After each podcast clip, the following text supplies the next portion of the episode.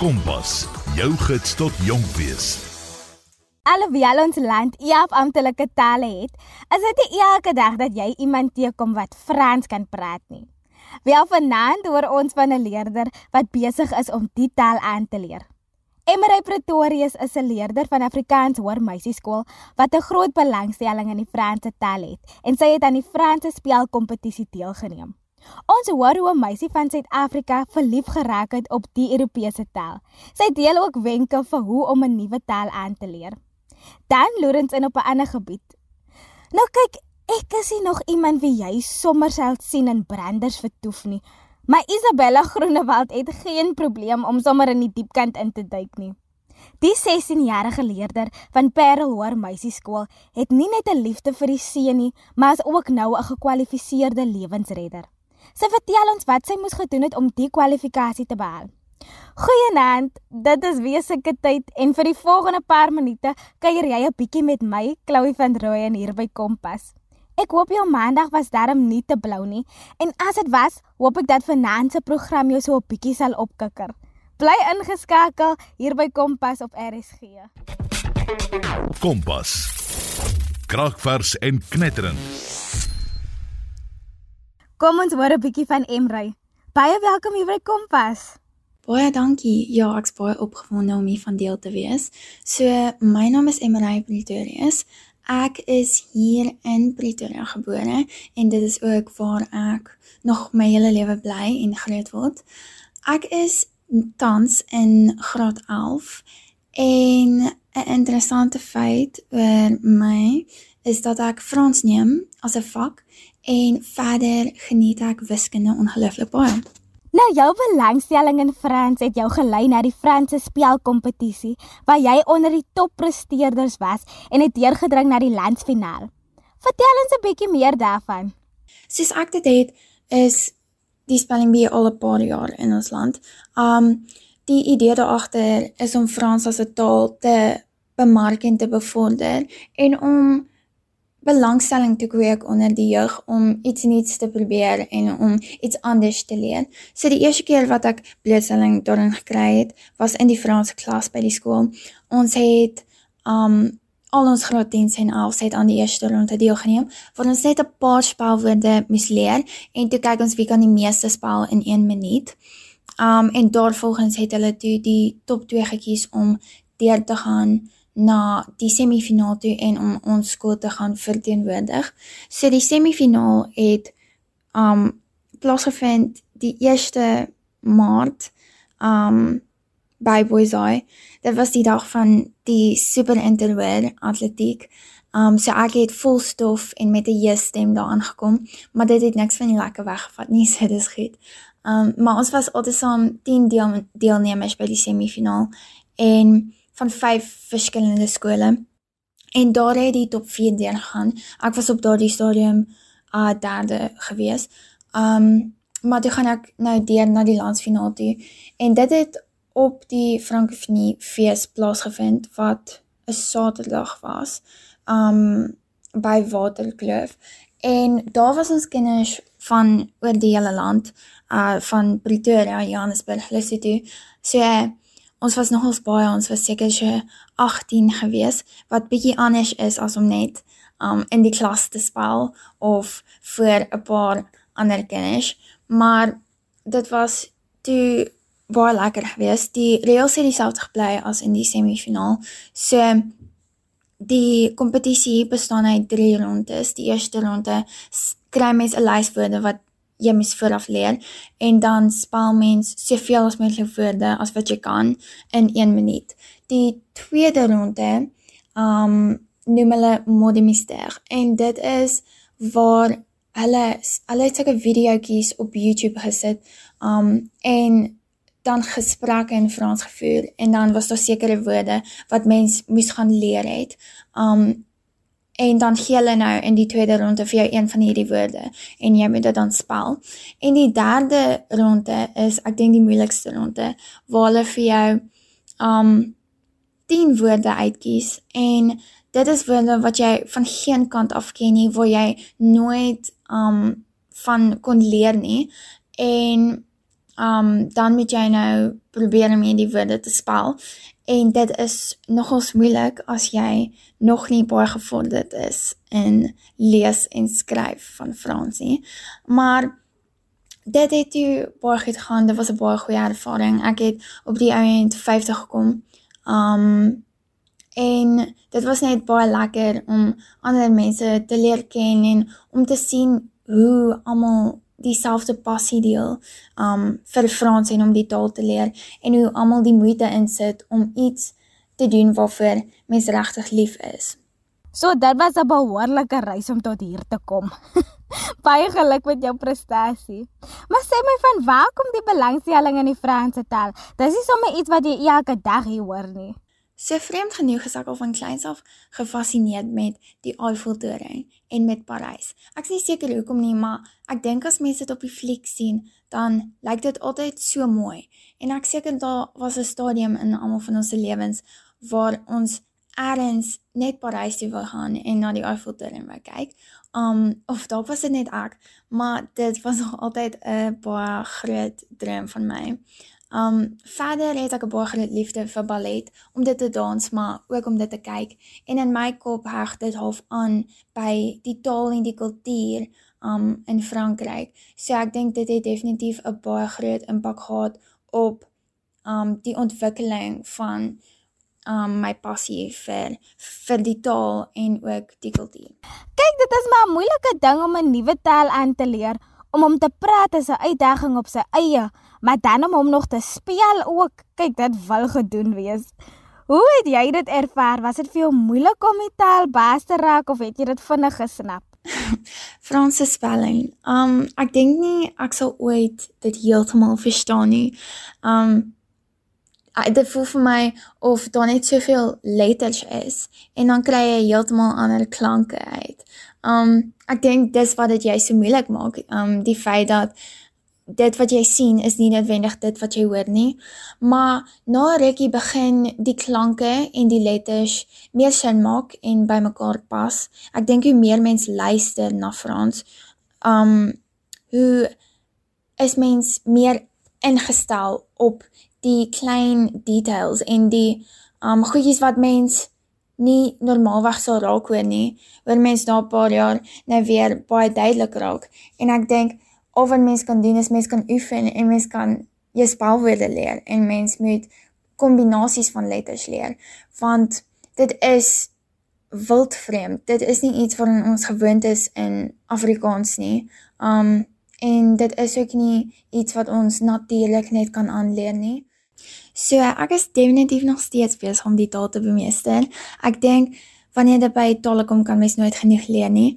Maar ook op hierdie stadium in my leerkurwe dink ek ek kan baie meer werk daarin sit um om te skryf, maar definitief ook om te praat. Dis moeilik om 'n taal aan te leer wanneer mense dit nie elke dag kan hoor en kan sien nie.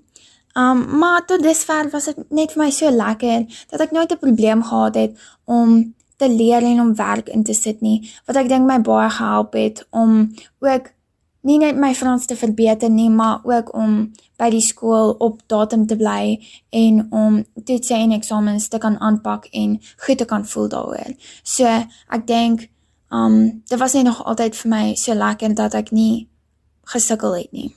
Ja, dit is net soos jy daar sê as jy die moeite inploeg, sal jy beslis die vrugte dra. Nou het jy 'n gunsteling woord in Frans en as jy het, kan jy dit met ons deel. Ek dink my klas en my juffrou sal saam met my stem dat dit moet net pantoufle wees. Um dis my so 'n oulike woord. Ek dink mense kan maar aflei dis soos wat ons dit ken in Afrikaans. Um pantoffel. Uh en ek dink net dis so eintlik hoe mense die verband kan trek tussen Frans en Afrikaans en dit sê ook net so lekker. Ja, dit klink nou 'n lekker woord en ek wil dit nou so graag sê, maar laat ek nou liewer ser nie my naam met 'n plankslyn hier op die lug nie.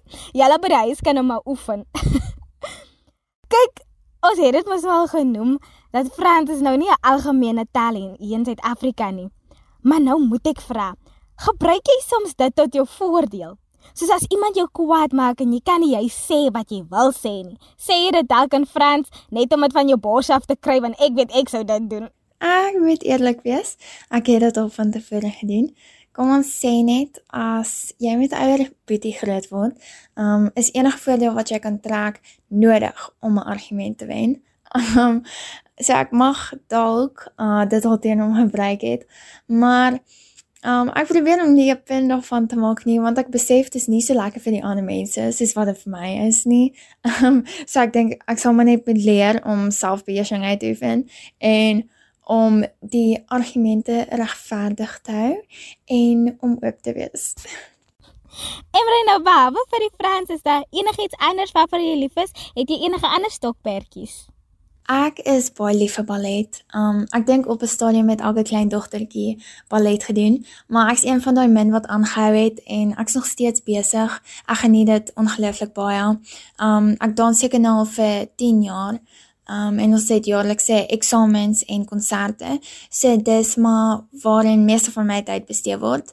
Um as dit nou nie is aan skool en akademie nie. Uh verder is ek baie lief vir lees en vir kinders. Ek's nie die beste kunstenaar nie, maar ek waardeer dit ongelooflik baie. En het jy die liefde vir ander tale ook?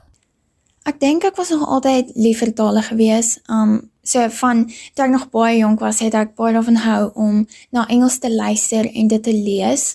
Um of was dit nou nog nie so gevorder op daai stadium nie, maar um van toe af was dit maar net Engels en Afrikaans wat ons mag geleer het by die skool. Ek het nooit verder enige inisiatief geneem om 'n ander taal by te leer nie.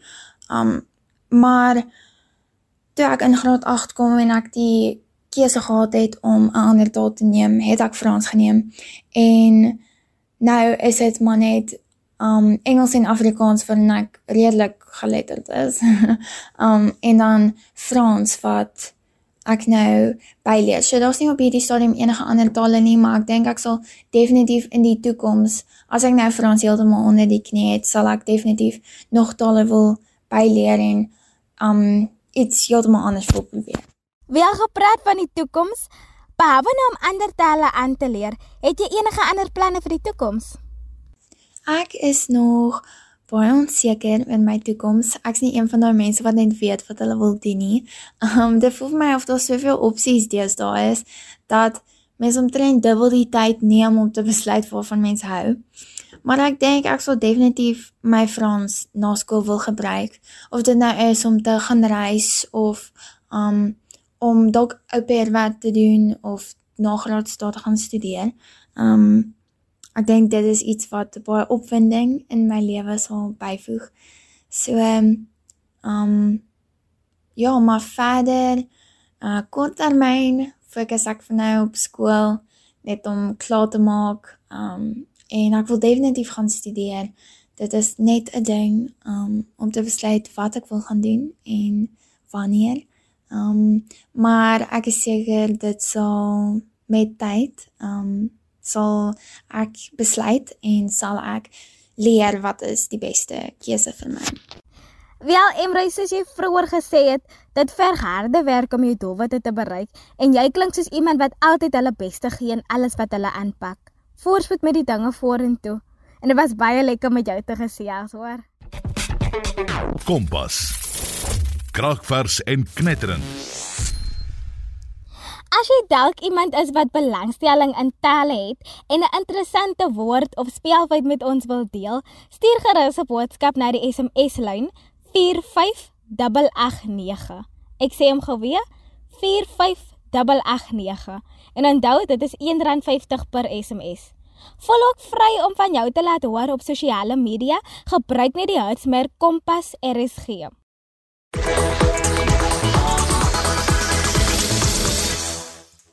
Kyk, ek was daai niggie wat vakansietye in 'n opblas swembad met vlekkies aangeswem het.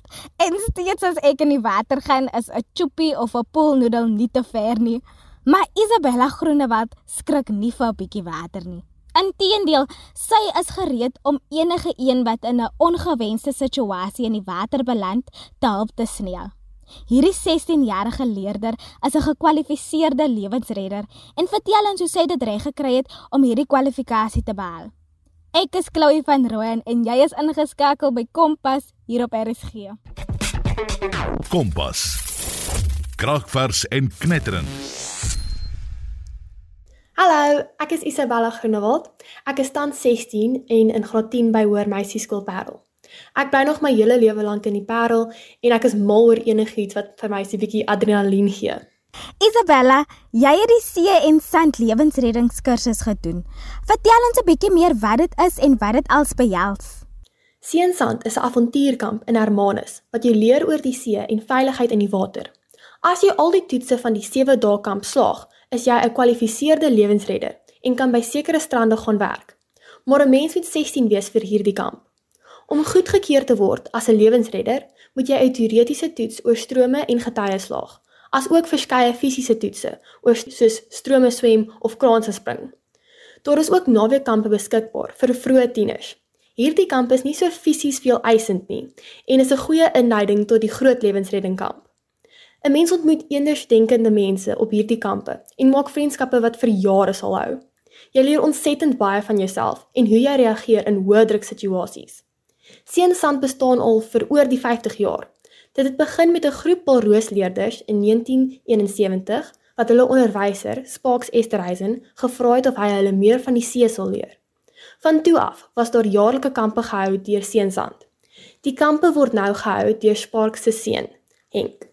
Waar dit klink nou 'n ongelooflike ervaring, my kan ek hoor dat dit 'n intense en 'n veel eisende proses is, maar steeds het jy aan die bokant uitgekom.